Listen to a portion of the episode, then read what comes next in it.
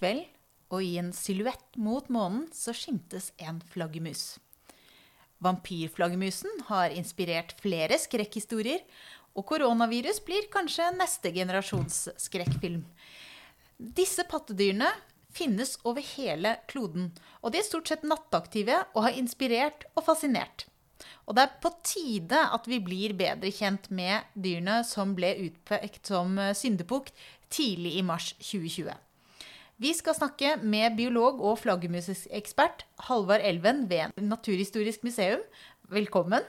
Tusen takk. Og jeg tror vi går rett på sak. Eh, tror du koronaviruset kom fra en flaggermus?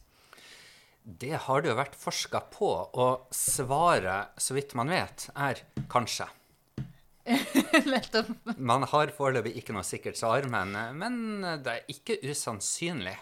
For man vet at flaggermus bærer på flere ulike typer koronavirus.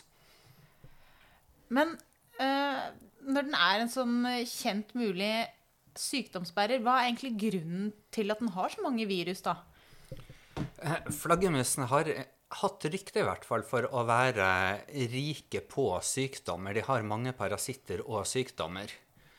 Eh, nå er det litt grann ufortjent, fordi man har altså, Flaggermusene er også en veldig stor artsgruppe. De utgjør en fjerdedel av alle pattedyr. Så, det er mye. Det er forferdelig mange arter. Det er 1400 kjente flaggermusarter i verden. Og det, det, betyr at art for art har de ikke så veldig mye sykdom. Hvis man hadde sammenligna med 1400 andre pattedyr, så hadde nok de hatt omtrent like mye. Men som gruppe så har flaggermusene mye sykdommer.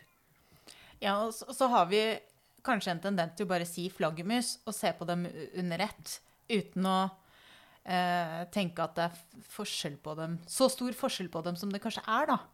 Ja, flaggermus er jo både en veldig stor og veldig divers gruppe.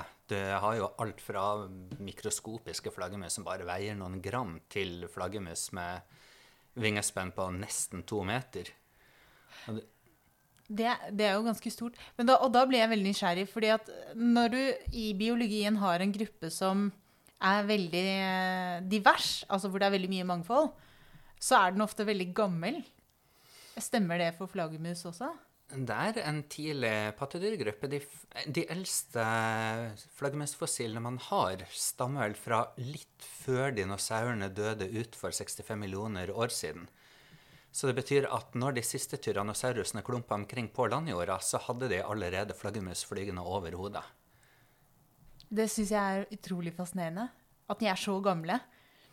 Og har jo hengt med hele veien, da. De tålte jo tydeligvis denne meteoren som tok knekken på dinosaurene. Ja, de sier vel at den meteoren drepte alt liv på jorda som var særlig mye større enn en hund, men flaggermusene var små nok og nøysomme nok til at i hvert fall noen av de overlevde. Akkurat som mange andre små dyr kom seg helskinna gjennom katastrofen. Men hvor, hvor, mange har vi i Norge, da, av flaggermus? Tolv arter som vi er sikre på, og et par litt usikre. Så. Og de bor i he hele Norge? Du finner flaggermus i hele Norge, overalt hvor det finnes skog. Flaggermus er ikke noe særlig glad i snaufjell, de vil ha skog rundt seg. Men så langt nord som skogen går, der finner du også flaggermus. Men du finner jo ikke alle de tolv artene over hele Norge. Det er en art som heter nordflaggermus, som er den nordligste arten vår, og som går opp i alle fylkene. Men de fleste artene holder til i Sør-Norge, og flere av de finnes bare på Østlandet. Men, men er de også mulige sykdomsbærere på samme måte som den flaggermusarten som bor i huler i, i nærheten av Wuhan? Det kan det være. Men man må også tenke på at de aller fleste sykdommene som flaggermus har, de går ikke over på mennesket. I hvert fall er det lite sannsynlig at de vil klare det. Men vi har én flaggermussykdom i Europa som kan gå over på mennesket, og det er rabies. Og den er registrert i Norge ett tilfelle med en flaggermus som hadde rabies. Men det at en flaggermus har rabies, betyr ikke nødvendigvis at den er farlig heller. For de kan ha den sykdommen latent uten at de egentlig er syke og smittsomme. Hva skjer med en flaggermus som har rabies? Den blir sky. Altså, man tenker jo på rabies at det er en sykdom som gjør dyr rabiate. Det, og det stemmer vel til en viss grad med den rabiesen som går på hund, men det er en annen type rabies. Flaggermus som får flaggermusrabies, de blir ikke gale og ville og prøver å bite rundt seg. De blir bare veldig sky, og de blir veldig lyssky og veldig var for lyder. Og blir litt sånn stakkarslige og forkomne. Så man ser at de er syke, men eh, de, de vil aldri angripe et menneske. Men hvis man prøver å løfte opp en sånn flaggermus, så kan den bite. Og stort sett er ikke det noe farlig med norske flaggermus uansett, fordi jeg har så svakt bitt at de kommer vanligvis ikke gjennom menneskehud. Men i teorien kan det skje. Men hva, hva burde man gjøre da, hvis man eh, er i nærheten av en flaggermus? Hvis man finner en syk, forkommen flaggermus, så bør man ikke ta på den direkte med bare hender, men den kan håndteres med kjøkkenhansker. Og finner du en frisk flaggermus som har forvilla seg inn i huset ditt, f.eks., så er ikke det noen fare. Men den bør rett og slett hjelpes ut. Men den bør hjelpes ut eh, ikke midt på dagen når sola skinner, for da vil den være veldig utsatt når den flyr av gårde. Men man bør eventuelt oppbevare den i en pappeske frem til kvelden, og så sette den ut når det blir skumring. Nettopp. Men eh, skjer det ofte? Er de, er de, oppsøker de mennesker? Og hvor tett på oss er de egentlig? De oppsøker ikke mennesker sånn egentlig, men eh, på høsten så hender det at folk får flaggermus inn i husene sine. Og da er det som regel flaggermusunger som akkurat har forlatt redet sitt og driver og prøver å lære seg å fly og lære seg å orientere seg. Som da også av og til roter seg inn gjennom dører og vinduer og kommer inn til stuene til folk. Og det er ikke noe farlig, de trenger bare hjelp til å komme ut igjen. Og så hender det jo at man har flaggermus i huset, i taket eller i vegger, og da òg kan det hende at ungene forviller seg ut gjennom feil åpning og havner inne i huset i stedet for ut utendørs. Men, men de som da bor eh, i hus, eh, gjør de noe skade? Egentlig ikke. Altså, Til forskjell fra f.eks. For mus og rotter, som folk lett sammenligner flaggermus med, mm. så gnager ikke flaggermus. De bruker bare, Hvis de bor i huset, så bruker de bare huset som et uh, sovested om dagen og et sted å ha ungene sine. De henger opp under taket eller inn i en trang sprekk hvor det er trygt og godt. Bare sover der, og så flyr de ut om natta og jakter insekter. Og kommer tilbake igjen når det lysner. Så, så egentlig så burde vi på en måte bare tenke at det, at eh, det er ikke så farlig om mønene på taket er helt tett, for da kan det være Da er det helt greit at det blir en flaggermusbolig. Det er helt greit med flaggermus i huset. Det, det er én ting, og det er at hvis du får en veldig stor koloni, så de tisser og bæsjer. Så hvis det er en veldig stor koloni, eller hvis du har et fuktproblem i huset, så kan det bli litt luktproblemer. Men vanligvis hvis man har flaggermus i huset, så er det bare snakk om noen få individer, og de, når de bæsjer, så blir det en bitte liten muselort i praksis som tørker ut og ikke gjør noe. Kan jeg, kan jeg stille et litt dumt spørsmål? Det fins ikke dumme spørsmål, bare dumme svar. ja, De henger jo opp ned. Mm. Eh, hva, hva, gjør de når de går på do? det, det, Var det et dumt spørsmål? det, er et dumt spørsmål som mange har stilt før, og som man har funnet svar på. De snur seg. Ja, nettopp. De har klør på vingene også, dvs. Si de har tommel på vingen med en liten negl eller klo, som gjør at de kan henge etter tommelen så de får rumpa ned riktig vei når de skal bæsje, og så snur de seg tilbake så de får hodet ned og beina opp. Ja, nei, det, det høres veldig bra For i hodet mitt så ble det jo nå et bilde av, um, av denne prosessen opp ned, og det var jo ja, ja sånn sølete striper nedover magen. Men det er ikke sånn de gjør det. De, de er rensligere enn som så. Ja. Men jeg, eh, da jeg var liten, så tenkte jeg alltid på flaggermus som liksom bare sånn um, En mus, nærmest som en gnager med vinger. Men de er, de er, jo egentlig ganske forskjellige på veldig mange måter. Kan du si litt mer om hvordan er de rent sånn anatomisk? Eh? Ja, sånn Systematisk sett så har flaggermus egentlig veldig lite med mus å gjøre. Det er en helt annen pattedyrgruppe som ikke har noe med mus å gjøre, annet enn en overfladisk likhet. Og når du ser på vingene, så har du ikke en overfladisk likhet heller. Eh, man er ikke helt sikker på hvilke pattedyr de er mest i slekt med, men det har vært foreslått insekteterne, altså spissmus og pinnsvin. Og et annet forslag er at de er mest i slekt med oss mennesker. Eller primater, da. Men man er ennå ikke helt sikra. Men den ligner jo grovt sett på en mus med vinger, da. Men nå ble jeg veldig nysgjerrig. Hvordan har man eh, kommet fram til at de er mest i slekt med, med primater? Det er jo litt, eh, en litt spennende tanke. Jeg er ikke helt sikker på åssen de har gjort det, men det foregår jo mye DNA-studier på slektskap nå, hvor DNA gir en del resultater som man ikke har eh, men, men som man ikke har sett tidligere når man bare så på åssen dyra ser ut, og på de utvendige likhetene mellom de. Men det går nok litt på likheter også. Og eh, slektskapet mellom mennesker og flaggermus er faktisk en gammel, etablert teori som stammer fra 1700-tallet. Oi! Den svenske naturforskeren Carl von Linné, som eh, han regnes som systematikkens far. Han eh, katalogiserte og systematiserte flere tusen plante- og dyrearter i sin tid. Lagde den første oversikten over, eller systematiske oversikten over arter på jorda. Og han grupperte arter etter utseende og karaktertrekk. Og frem til Linnés tid så hadde flaggermusene vært egna som fugler. De, har, de flyr i lufta, de har vinger, så klart riktignok mangler de nebb, men man putter de nå blant fuglene. Men eh, Linné innså at det stemte ikke. De la ikke egg, de hadde ikke nebb, de hadde pels, og det som virkelig spikra det for han, var at de ga ungene sine melk, akkurat som vi gjør. Så alle dyr som ga ungene melk, de definerte han inn i gruppa pattedyr. Men uh, han grupperte jo da også pattedyrene i mindre grupper, Ordner. basert på hvor mange patter de hadde, og hvor pattene var plassert hen. Og siden de flaggermusene han studerte, hadde to patter plassert litt høyt opp på brystet, akkurat som primater, inkludert mennesker, så putta han flaggermus og primater i samme gruppe. Nettopp. Det har man da siden gått bort ifra, men eh, i senere år så er det da i hvert fall noen som spekulerer i at han ikke bomma helt, at det kanskje faktisk er et nært slektskap mellom flaggermus og primater. Altså, i, og- I og med at de er såpass gamle da, som grupper, så er det jo også kanskje grenser for hvor, hvor nært det er. Men, men nærmere enn mye annet, kan man kanskje si. Ja, nærmere hverandre enn de andre pattedyrgruppene, men det er jo fortsatt da 70-80 millioner år som eh, mellom oss og når vi skilte lag med flaggermusene, i så fall.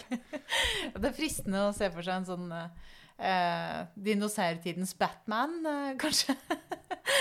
eh, men, eh, men det blir jo mer en spøk. Men det er, det er veldig interessant å på en måte at det at de er så gamle eh, og har eksistert så lenge og blitt så mange forskjellige arter og har så stor utbredelse, det, det syns jeg jo er veldig interessant. Og de har jo eh, en del forskjeller, sånn som f.eks. denne vampyrflaggermusen, som kanskje er en av de som er eh, mest kjent, og som ja, har vært denne skrekkspill- skrekkfilminspirasjonen.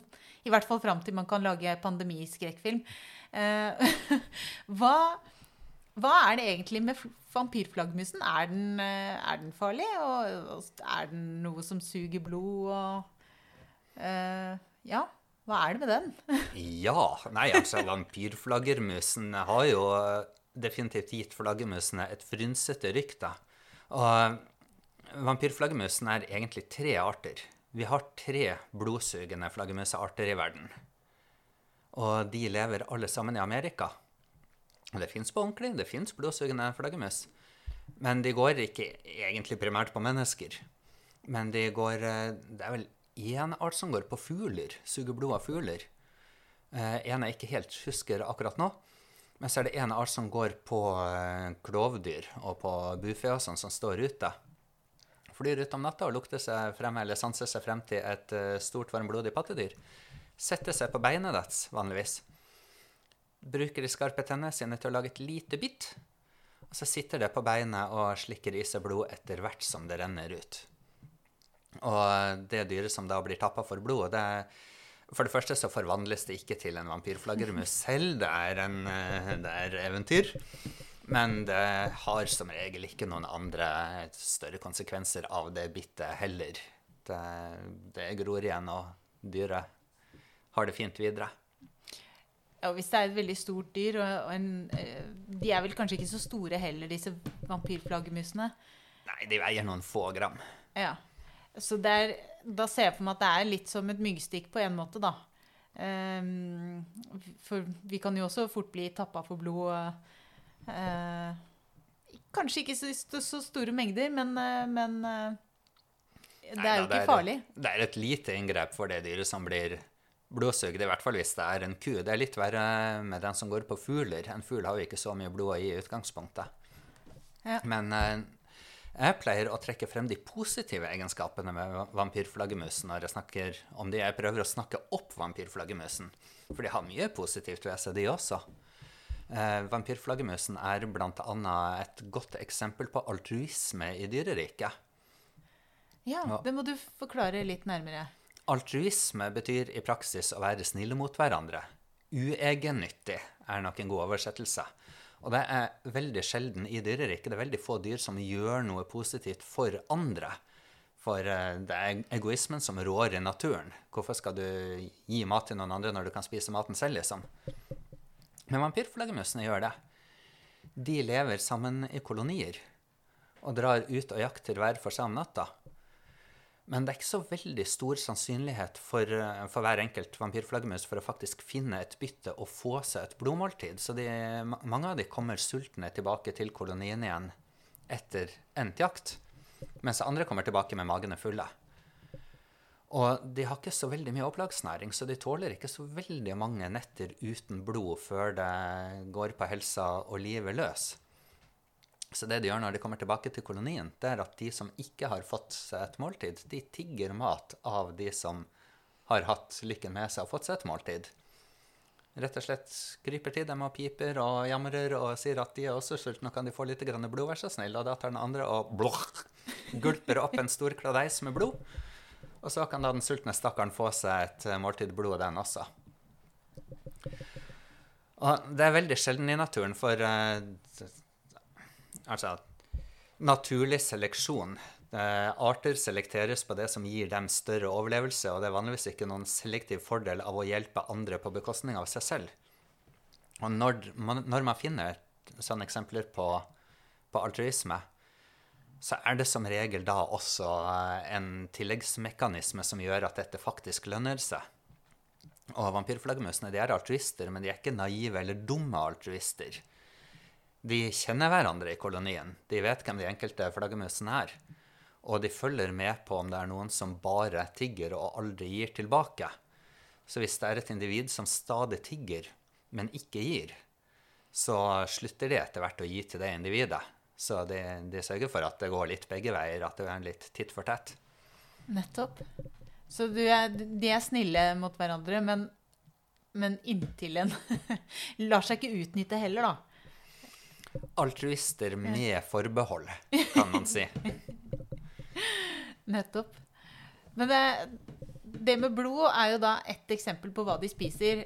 Ehm, Hva, hva annet finner man typisk i, i eh, flaggermusenes eh, diett? Den er ganske variert, men de aller, aller fleste flaggermusene i verden de spiser insekter. Det er hovedmaten for eh, flertallet av artene. Men det fins andre ting også. En del store flaggermusarter kan ta f.eks. frosk og fisk. Det er noen flaggermus som fisker. Og det er flaggermus som tar fugl. Og det er en del store flaggermus som spiser mindre flaggermus. Men det er også en veldig stor gruppe med flaggermus i tropene som spiser frukt. Og de er veldig viktige frøspredere i tropene, så det er veldig mange tropiske frukttrær som ikke ville fått spredd fruktene sine hvis det ikke var for flaggermus. Og det er også veldig mange flaggermusarter i tropene som er blomsterbesøkere, som spiser nektar. Så de er rett og slett eh, litt sånn som insektene selv, da, altså pollinatorer. De er pollinatorer akkurat som insektene her hjemme, og det er veldig mange planter i tropene som er helt avhengig av flaggermuspollinering for å kunne sette frø. En av de plantene er villbanan. Vår domestiserte banan, den, eh, den, den klarer seg uten, eh, uten pollinering. Den Ja, den er- foredla til å ja, Ikke sant? Den er jo eh, monokultur, så det holder. De er jo Mm. identiske stort sett, så Men den ville stamfaren til, eh, til vår kjøpebanan, som fortsatt uh, finnes ute i naturen, den eh, krever pollinering, og det er det flaggermusene som sørger for. Så gøy. Det tenker jeg, det skal jeg minne folk på neste gang de, de spiser banan. At den, den, eh, den ville bananen, den er flaggermuspollinert. Mm, og det er jo veldig viktig at vi har disse ville planteartene i naturen. Plutselig en dag så kommer det en sykdom og utraderer disse genetisk litt effekte kultivarene som vi har, og spesielt når de da ikke har kjønna formering og dermed egentlig er like kloner av hverandre alle sammen, så kan én sykdom fort slå ut en hel planteart i jordbruket. Og da vil vi trenge å gå tilbake til naturen igjen og finne de ville bananene og starte, starte fra scratch igjen. Men de eh, norske flaggermusene, hva, hva lever de av? De lever av insekter. Hele hurven. Alle norske flaggermus spiser insekter. De, de samme insektene? Eller har, er det noen av dem som liksom spiser eh, Hvis jeg f.eks. er litt mindre begeistret for mygg, da, sånn rent hypotetisk, Mhm. eh, kunne jeg på en måte gjort noe for å skaffe meg Eller gjøre det eh, Tilrettelegge for noen type flaggermus, sånn at de kanskje ville trives og spise myggen. Det, går, går det an å gjøre sånne ting? De fleste norske flaggermusartene elsker mygg. Og de tar uhorvelig mange mygg. Jeg har hørt tall på at en gjennomsnitts eh, norsk flaggermus spiser ca. 1500 mygg per natt. Oi. Så det, det er et veldig godt argument for å invitere flaggermus hjem til seg. Det, de, de kan faktisk signifikant redusere myggpopulasjonen rundt huset ditt, så du merker det. Og det går an å invitere flaggermus hjem. Om du ikke er så heldig å ha flaggermus i huset fra før, det, har man det, så bør man juble. Men om man ikke har det, så går det an å henge opp flaggermuskasser. Litt sånn som fuglekasser, eller hvordan eh, funker det? Litt sånn som fuglekasser. Det fins mange bruksanvisninger til åssen å lage det ute på nettet, bl.a. hos eh, Zoologisk forening. De har fine flaggermuskassetegninger på nettsidene sine. Eh, de, ser, de kan se ut som en fuglekasse, eller de kan være lagd som en mer flat, bred kasse. Eh, de må ha trange rom inni, for flaggermus liker å kile seg inn i en trang og god sprekk hvor den er beskytta på alle kanter. Så sånn flaggermuskasse pleier ofte å ha plater inni med bare kanskje to centimeter mellom hver plate. Da er det fint og trangt for flaggermusa. Og så må den ha åpning under, ikke på forsida, sånn som en fuglekasse. For flaggermusene vil helst lande under kassa, og så krabbe opp og inn i, inn i det trygge hullrommet inni. Nettopp. Men to centimeter, jeg syns det hørtes veldig lite ut. Er de så små? Ja, de er så små. En eh, norsk flaggermus klarer fint å presse seg inn i en åpning på to centimeter. Men det er eh, Ja, nei, det er jo ikke det, Da kan de jo få plass veldig mange steder. Altså Mm. eh, Det er gode sjanser for at, at man ikke klarer å lage møne på i huset eller låve tett nok. Men det blir jo kaldt for dem på et eller annet tidspunkt. Da. Jeg tenker på, altså Hvis de nå flyr ute om høsten, mm. det er nå greit nok og, og fanger uh, insekter. Men hva gjør de om vinteren? Da går de fleste artene i dvale. Og du har helt rett, det blir for kaldt for de der de bor om sommeren. Om sommeren vil de ha det varmest mulig, så husvegger og tak og flaggermuskasser og spettehull og kirkeloft og sånt, det er fine sommersteder for flaggermus. Så varmt som de kan få det. Men de stedene blir jo bikkjekalde om vinteren. Det tåler ikke flaggermusene. De fleste artene tåler ikke frost, i hvert fall ikke mer enn én eller to minusgrader. Så da vil de helst ha et sted hvor det er mildt og fuktig, så det verken fryser i eller tørker ut. Og om vinteren så pleier flaggermusgruppa til Zoologisk forening å kartlegge flaggermus i gruver i Oslo-området.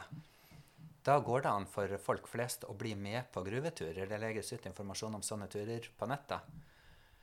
Og da kan man dra ut på ekskursjon en helgedag og telle flaggermus som henger og sover på veggene i gruver. Det høres veldig gøy ut. Det er utrolig morsomt. Men hva, hvordan funker dette med dvale, egentlig? Hva, er, det, er, det det samme som, er det det samme som å sove, eller eh, er det noe helt annet? Det er en veldig dyp søvn. De senker både hjerterytme og pusterytme voldsomt i forhold til når de er aktiv om sommeren. Og senker kroppstemperaturen sånn at den er omtrent like lav som omgivelsene. Jeg husker ikke akkurat tallene nå, men jeg tror det er ca. ett hjerteslag i minuttet de har på vinteren. Da er de også veldig sårbare der de henger, så man finner, hvis man finner flaggermus i dvale, så bør man være veldig varsom og prøve å ikke vekke dem. For de kan vekkes hvis de blir forstyrra med lys eller lyder eller varme. Og da vil de varme opp kroppen igjen. Og da tærer de veldig på fettreservene de har bygd seg opp på sommeren. Som gjør at det er risiko for at de ikke overlever frem til våren etter å ha lagt seg til å sove igjen. Men eh, flaggermusene våkner noen ganger av seg selv også i løpet av vinteren. For de blir tørste i løpet av vinteren. De spiser ikke i løpet av hele vinteren, og det fins jo egentlig ikke noen insekter for dem å spise heller. Men vann må de ha. Så av og til så våkner de og tar seg en liten fly, flygetur i, i f.eks. gruva, hvis det er der de sover. Og drikker litt vann, og så henger de seg opp et sted og legger seg og sover igjen. Er det derfor de helst vil være et sted hvor det er litt eh, fuktighet òg, da? Ja, da blir det mindre uttørking eh, over, eh, over, huden deres også, når det er litt fuktighet i lufta. Mm. Men er det noen av dem som, som um, migrerer gjennom sesongen? Altså Hvis det er mye gruver her, f.eks., så er det jo andre steder hvor det kanskje ikke er så, så mange gunstige vintersteder. da. Mm. Uh, kan det være sånn at de drar et sted om sommeren og kommer tilbake litt, litt sånn som fugler, men kanskje ikke like langt? Jo da. Eh, flere flaggermusarter trekker akkurat slik som fuglene gjør, og like langt. De kan tilbringe sommeren her, og så kan de tilbringe vinteren i Syden. Og gruver er jo ikke et naturlig habitat. Uansett det er jo et menneskeskapt system. Vi har ikke så mange naturlige huler i Norge, så de norske flaggermusene kan ikke basere seg på, på huler og grotter i Norge heller. Men det er noen mysterier her. Fordi vi vet at de fleste norske flaggermusartene de trekker ikke. De blir i Norge. Man har aldri observert et trekk. Men vi finner heller ikke veldig mange av de i gruvene. De gruvetellingene de finner en del flaggermus, men forsvinner få i forhold til hvor mange flaggermus det er ute i skogen om sommeren. Og hvor resten blir av. Det, det er et spørsmål det fortsatt søkes svar på. Hva, hva tror du? Det er én hypotese som er ganske sannsynlig, og det er steinurer. Norge har ikke så veldig mange naturlige huler og grotter, men du verden vi har mange steinrøyser. Og nede der, nede i steinrøysene er det jo masse hulrom. Og om vinteren så dekker steinrøysen av snø, så det er mildt og godt nede i de hulrommene. Så det er i hvert fall en sannsynlig kandidat. Og man har observert flaggermus fly ute inne av sånne steingrotter på høsten i den perioden hvor de leter etter egne overvintringssteder. Så det, man vet i hvert fall at de spaner ut det miljøet, og det tyder jo på at de også sannsynligvis bruker det.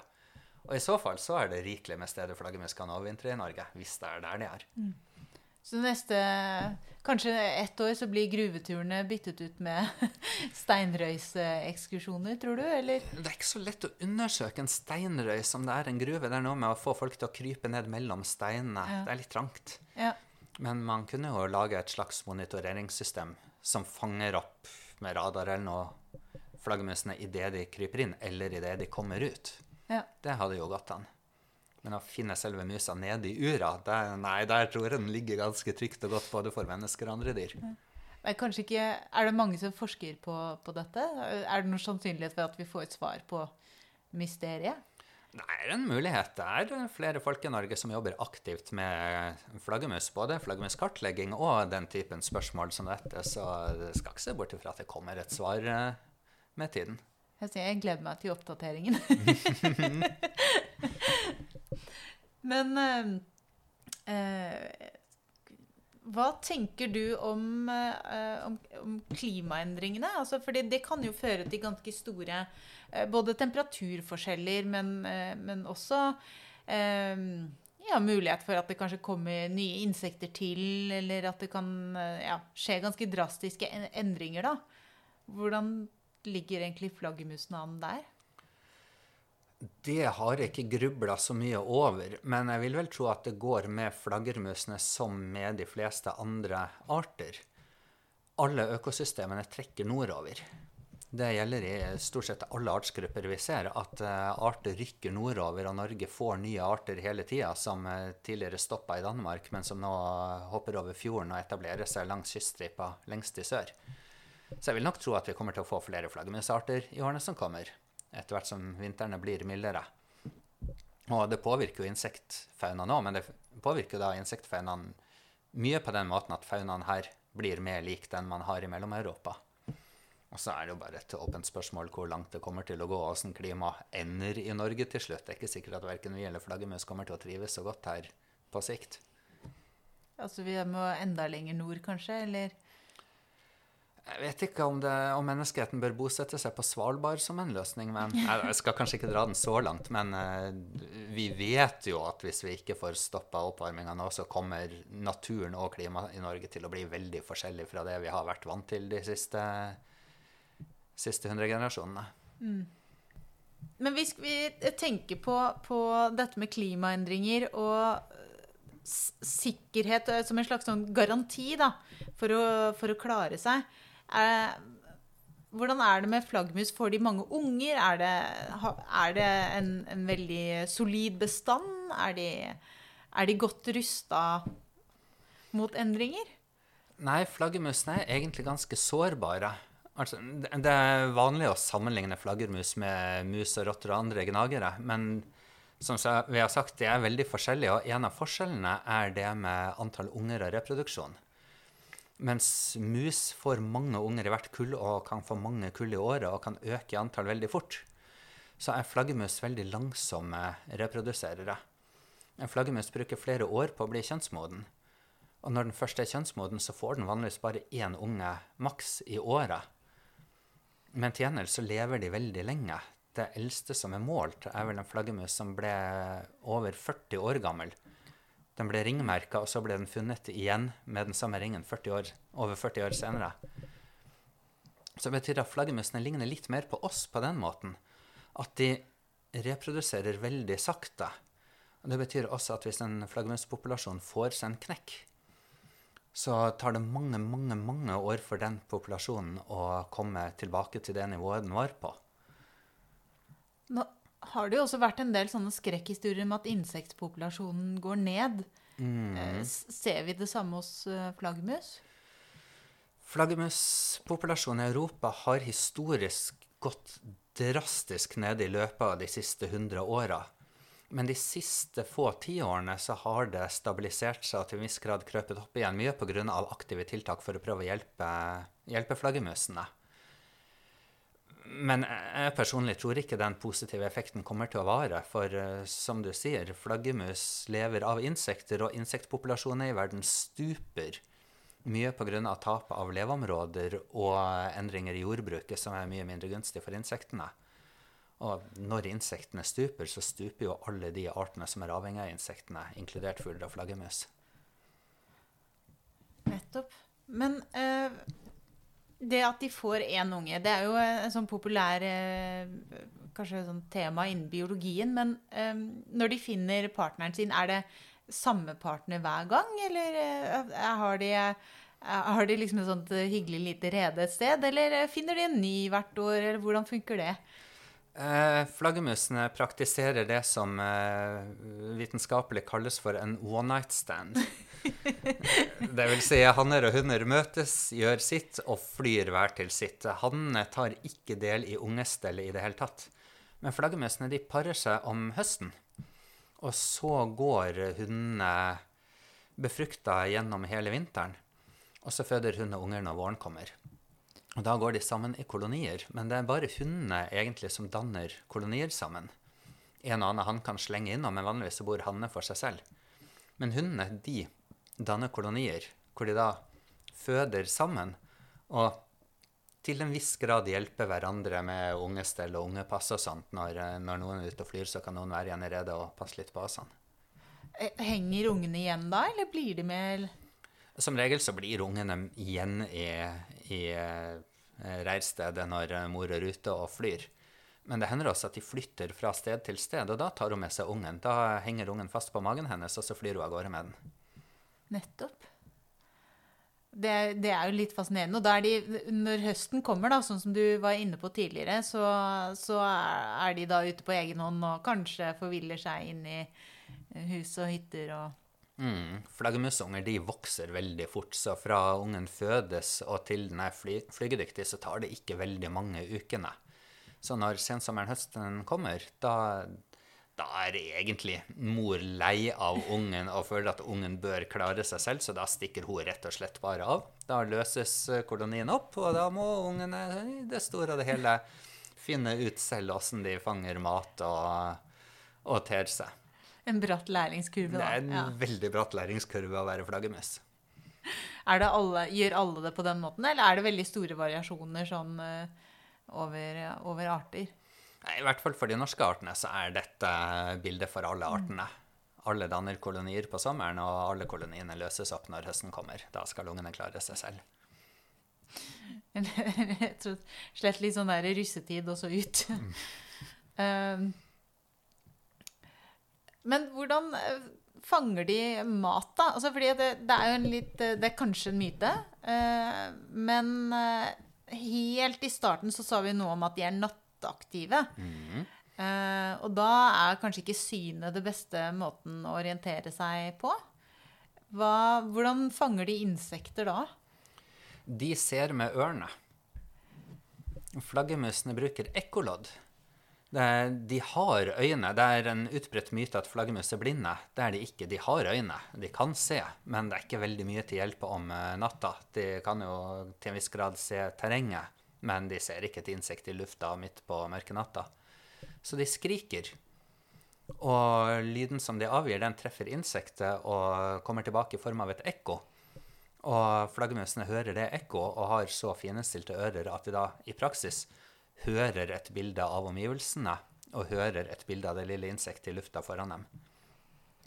Og vi kan også Vi kan normalt ikke høre den lyden, for den er for høyfrekvent for våre ører. Det er det vi kaller for ultralyd. Men vi har apparater som gjør at vi kan høre flaggermus, og det er vanlig å bruke når man er ute og kartlegger flaggermus. Da bruker man en såkalt flaggermusdetektor som fanger opp ultralyden fra flaggermusene og spiller den av i dypere frekvens, så vi kan høre det. Og så kan du rett og slett eh, peile deg inn. Mm. Og med litt øvelse så kan du da bestemme flaggermusene ut fra lyden, de fleste artene. Oi. Men da kan du også høre når flaggermusene tar et bytte, for det hører du på lyden de lager. Hvis Hører du en jafselyd, eller hva? Ja, nå er det vanskelig å gjengi lyden fra en flaggermusdetektor sånn uh, her, men uh, hadde du hatt den i hånda, så hadde den litt sånn sagt tuk, tuk, tuk, tuk, tuk, tuk, når du hører en flaggermus fly over. Men når den hører et bytte i lufta over seg, så sier det tuk, tuk, tuk, drrt, og så blir det stille et øyeblikk. Det drrt-lydet, det kaller vi for et feeding buzz. Det betyr at den skriker med veldig kort mellomrom mellom hvert sånt lite rop for å finpeile når den styrer inn mot insektet, akkurat hvor den befinner seg i lufta. Og så snapper den insektet ut av lufta, og så er det stille et bitte lite øyeblikk mens den svelger den. Og så er den i gang igjen med tikk, tikk, tikk, tikk, tikk. Men, eh, men eh, de flaggermusene som da er pollinatorer eller helt andre ting, de har kanskje syn Mm. De tropiske flaggermusene, spesielt den gruppa som heter flygehunder, som er de største flaggermusene i verden, de har store øyne og bruker først og fremst synet til å orientere med om natta. Men de blomsterbesøkende flaggermusene, det er òg mange arter av det vi kaller for småflaggermus, som i større grad bruker lyd. Også de blomsterbesøkende, men de kan også bruke synet. Men norske flaggermus bruker òg til en viss grad syn til å orientere, i hvert fall når det er lyst nok til at de kan bruke synet. Så kan de se seg en vei. Nettopp. Nå tror jeg vi nærmer oss eh, slutten her, men eh, har du en uh, favoritt-fun fact om flaggermus? Det er et fryktelig vanskelig spørsmål, for det er jo morsomme fra start til slutt. Men hvis jeg skulle trekke frem én fun fact Vi har jo snakka om åssen de skriker for å orientere seg.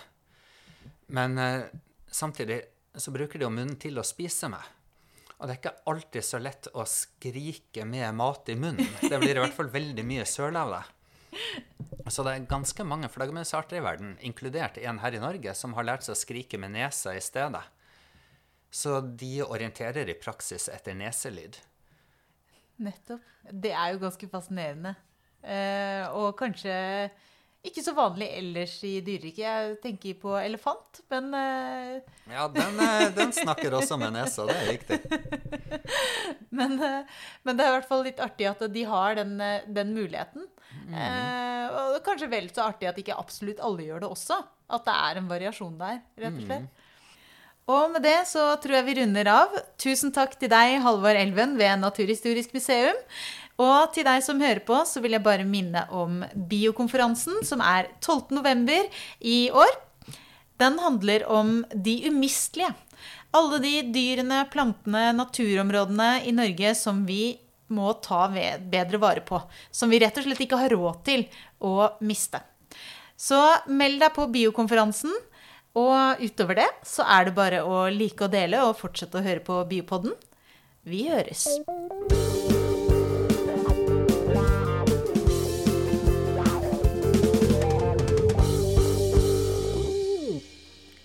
Du har nå hørt Biopodden intervju med Elina Melteig, og med på laget har vi også Torborg Galtland, daglig leder i Norsk biologforening.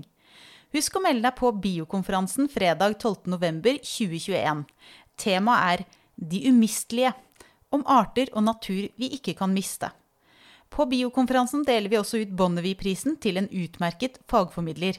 Kom gjerne med nominasjoner til post at bio.no. Musikken du hørte er laget av biologibandet Overgump, som består av Even Slekten Garvang, Markus Fjelle, Erik Møller, Mathias Kirkeby og Audun Rugstad. Fortell gjerne om podkasten til venner og kjente, og gi oss tips og tilbakemeldinger på e-posten biopodden at bio.no. Og hvis du vil støtte oss, så er du hjertelig velkommen som medlem av Norsk biologforening. Vi høres!